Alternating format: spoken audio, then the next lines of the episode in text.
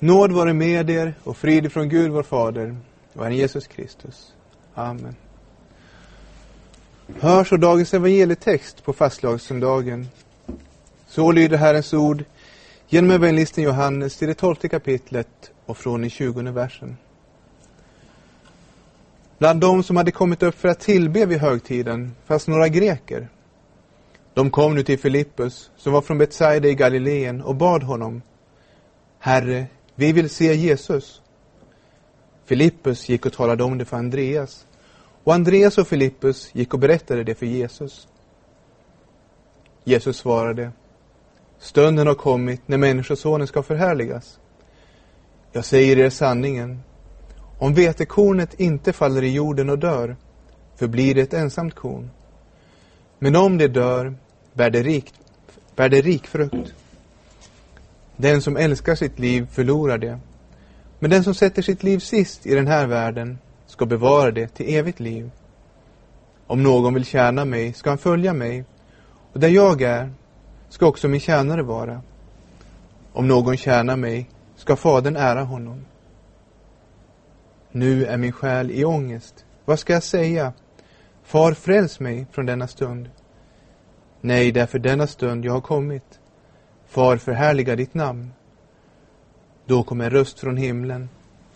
Jag har förhärligat det och jag ska förhärliga det igen. Folket som stod där och hörde det sa att det var åskan. Andra sa att det var en ängel som talade till honom. Jesus svarade, den rösten kom inte för min skull, utan för er. Nu går en dom över denna värld. Nu ska denna världens första kastas ut. Och när jag blivit upphöjd från jorden ska jag dra alla till mig. Detta sa han för att ange på vilket sätt han skulle dö. Amen. Herre, helga oss i sanningen. Ditt ord är sanning. Amen. Idag talar Jesus till oss om sin död.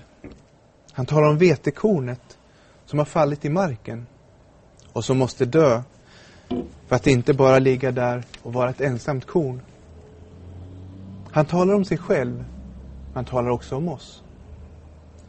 Hur hans död innebär en dom för världen så att vi befrias från den här världens första. Och hur hans död också är en förebild för oss. Smärta och död, det är någonting vi av naturen vill undvika.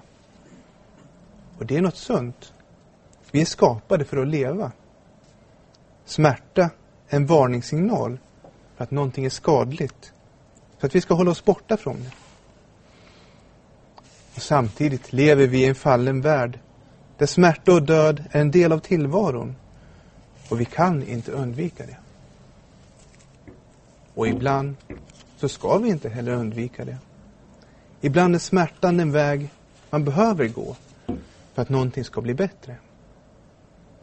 Om man är sjuk kan man behöva en behandling som innebär mycket obehag och även smärta. Eller om man vill att en relation ska bli bättre så kan man behöva ha en del samtal som kan kännas jobbiga. Eller om man vill förändra något i sitt eget liv så kan man först behöva erkänna sina fel. Åtminstone inför sig själv och inför Gud och be om förlåtelse. En förändring kräver också ganska ofta att man gör många försök och misslyckas många gånger på vägen. Vi skyggar naturen för smärta och obehag, men ibland är det nödvändigt för oss. Inte i sig självt, men det är en oundviklig del av något som i övrigt är gott. Så, men det är en oundviklig del av något som i övrigt är gott. Så är det att leva i en värld som fallit från sitt ursprung, där det nu finns motstånd mot det goda, både utanför oss och inuti oss. Och det värsta motståndet, det är det som finns inne i oss själva. Hade det bara rört sig om yttre motstånd, då skulle vi med viss smärta och visst obehag ha kommit över svårigheterna. Men nu handlar det också om vårt inre. Från människans hjärta, säger Jesus, kommer onda tankar. Mord, äktenskapsbrott, sexuell omoral, stöld, falsk vittnesbörd och hädelser. Ofta stannar det vid onda tankar. Men vi vet att Gud ser människans hjärta. Och vi vet också att synden handlar inte bara om vad vi gör, utan också om vad vi inte gör. Den som alltså förstår att göra det goda, men inte gör det, han syndar, skriver Jakob. När Jesus vandrade på denna jord så var, han, så var hans vilja helt i överensstämmelse med Faderns. Hans glädje var att göra det goda. Min mat är att göra hans vilja som har sänt mig och att fullborda hans verk. När han nu står inför döden så reagerar ändå hans inre. Det handlar inte främst om att döden är någonting onaturligt som vi inte skapades för. Det handlar snarare om vad just Jesu död innebär. Att han, som är helt i enlighet med Guds vilja, ska få synden lagd på sig. Att han som älskar Fadern och som är Faderns älskade ska bära Faderns vrede. Att han som är förkroppsligandet av det som är sant och rätt nu ska förkroppsliga lögnen och orätten och hängas på ett kors som en Guds förbannelse. Han har ridit in i Jerusalem och tagits emot av folket som hälsat honom som en konung. Efter tre års offentlig verksamhet så är han känd och människor har sett och hört allt gott han gjort. Både genom sin undervisning och sina handlingar och underverk. Också bland hans motståndare så visste man ingen kan göra de tecken som du gör om inte Gud är med honom. Det här ska bli den sista påsken Jesus firar med dem i Jerusalem. Nu ska påskens innebörd fullbordas. Påskalammet som judarna slaktade för att minnas hur de befriades ur Egypten och hur Gud skonade deras liv när han såg lammets blod kommer inte längre behöva slaktas. Det sanna påskalammet ska nu bära fram sig själv som ett fullkomligt offer. Några greker hade också kommit upp för att närvara vid firandet. De hade sett synden precis som vi kan se den, både i sin omgivning och i sina egna liv. Och de hade kommit i kontakt med det folk som Gud gett sin lag och sitt löfte. Och de hade förstått att frälsningen kommer från judarna. Också Jesus var tydligen känd för dem, för de ber en av hans lärjungar, Filippus, om att få träffa, om att få träffa Jesus. Herre, vi vill se Jesus, säger de. Jesus kommer snart att svara att ni kommer alla att få se mig när jag är upphöjd från jorden. På korset ska han dra alla människor till sig. När Jesus får veta att några greker vill träffa honom så svarar han Stunden har kommit. Den stund som skulle vara avgörande för hela världen. Inte bara för judarna, utan också grekerna och för alla folk. Snart ska evangeliet gå ut i hela världen för att alla folk ska göras till Jesu lärjungar. Snart. Men nu har stunden kommit. Inte för att gå ut i världen, utan för att Jesus ska upphöjas från jorden. Stunden då han ska dö. Den stund då Jesus skulle ge sitt liv som ett vetekorn ger sitt liv för att andra vetekorn ska få liv. Han skulle föras utanför staden på det mest vanhedrande sätt, slagen och naken och hängas upp på ett kors för alla att se på, medan livet sakta gick ur honom under svåra plågor. För den som ser smärta och död som ett misslyckande så är detta svårt att förstå. Vi som har lärt oss vad Jesu död innebär har lättare att se. Våra synder sonades. Och det var det högsta goda vi kunde tänka oss. Vi kan förstå Jesu ord. Stunden har kommit när Människosonen ska förhärligas. Vi ser Jesu kärlek till oss och förundras över hur han kunde och ville gå igenom detta för oss. Men när Jesus hängde på korset så fick han också bära att de flesta som såg på inte förstod vad som hände. De hånade och såg honom som ett stort misslyckande, en falsk Messias, medan han bar också deras synder. Kan det inte vara liknande för oss i det kristna livet? Vi får göra saker som är svåra för oss. Och vår omgivning kanske är oförstående. De kan se oss som vilseledda och misslyckade och också uttrycka förakt för vad vi gör. Då får vi tänka på Jesu ord idag. Den som älskar sitt liv förlorar det. Men den som sätter sitt liv sist i den här världen ska bevara det till evigt liv. Om någon vill tjäna mig ska han följa mig och där jag är ska också min tjänare vara. Om någon tjänar mig ska Fadern ära honom. De människor som ser den kristna tron som misslyckad och som sätter någonting annat främst, de håller på att förlora sina liv. Jesus uttrycker det i nutid. Den som älskar sitt liv förlorar det, inte kommer att förlora det. Redan nu håller de på att förlora sina liv. Och vår bön och förhoppning att de ska upptäcka att de håller på att förlora sina liv. Så att de istället ska få höra till dem som sitt, sätter sitt liv sist i den här världen. Och då kommer livet att bevaras till evigt liv.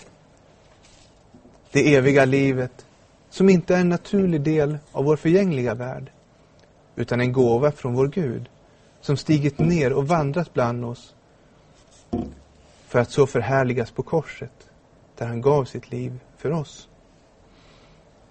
När vi lever i den tron och gör Guds vilja, då kommer världen att se oförstående på oss och kanske både förakta och håna. Men om vi följer och tjänar Jesus, så har han sagt att där jag är ska också min tjänare vara. I en svag av, avspegling av vad som hände på korset så lever vi det kristna livet där vi säger nej till världens ära och istället lyssnar till Jesu ord. Om någon tjänar mig ska Fadern ära honom. Johan Gerhard skrev angående att Gud ärar Kristi tjänare. Det var någonting stort när Josef ärades av farao, kungen i Egypten. Och när Mordokaj ärades av Ahasveros, Persiens förste.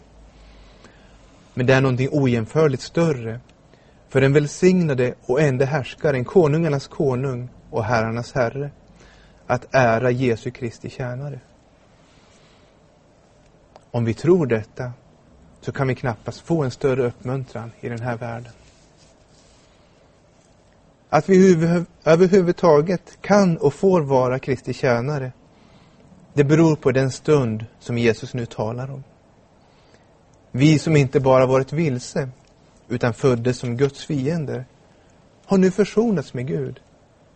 Stunden hade nu kommit då all fiendskap skulle läggas på Jesus Kristus. Nu är min själ i ångest. Vad ska jag säga? Far, fräls mig från denna stund. Nej, det är för denna stund jag har kommit. När Jesus nu står på tröskeln att fullborda sin verksamhet så får vi se in i hans själ.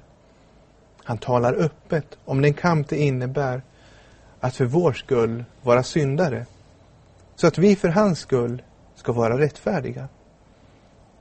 Samma kamp fortsatte i Getsemane, där den nådde sitt klimax, innan han lydig som ett lamm lät sig föras till avrättningsplatsen.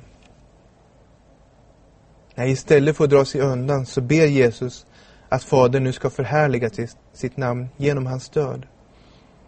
Jag har förhärligat det och jag ska förhärliga det igen, svarar då en röst från himlen. Folket som stod där måste ha undrat. Vissa, står det, trodde att det var åskan och andra menade att det var en ängel som talade. Känner vi inte igen också det från vår tid? Hur våra medmänniskor ibland faktiskt hör Guds röst, men de förklarar det på ett annat sätt. Och så tycker man att man bevarar sitt förnuft när man möter också Guds röst. Vi kan tänka på exempel med naturliga förklaringar, som man menade, av Guds röst eller Guds verk, när man förklarar samvetet, moralen, ändamålsenligheten i skapelsen, ja till och med förnuftet självt, som naturliga fenomen som uppkommit av sig själva. Men har man då egentligen bevarat sitt förnuft med sådana förklaringar? Ja, inte mer än åskådarna som idag står under en klarblå himmel och säger att det var åskan som talade. Nej, när vi ser världens dårskap, då är det lättare att bära att den är oförstående och ibland värre. Att inte älska sitt liv i den här världen, utan sätta sitt liv sist. Ja, när vi ser världens blindhet så kan vårt medlidande väckas. För att vi snarare skulle önska att de fick se, även om det skulle kosta oss själva mycket, på vägen dit, att de fick sin syn. Verkligt seende blir vi först när vi ser Jesus upphöjd på korset. Det var dit han nu var på väg att gå. Grekerna som frågade efter honom kanske fick möta honom innan dess. Jesus brukade ta emot den som frågade efter honom. Men också för dem var det korset som var det avgörande. Var genom korset de fick liv. I korset kan alla människor se Guds kärlek. Där drar Gud syndiga människor till sig för att göra dem till sina och till Kristi tjänare. Så ska också vi som Kristi tjänare tänka på att peka människor bort från oss själva och till Kristi kors. Precis som vi också har blickarna där. Där förlorade den här världens härskare sin makt över oss. All vår skuld blev betald och vi blev fria. Där får vi också kraft att säga nej till det som hindrar oss att tjäna Kristus. Så att vi kan gå in också i det svåra och kanske smärtfyllda som Gud lägger framför oss. När Kristi kärlek slår rot och växer i våra hjärtan. Amen.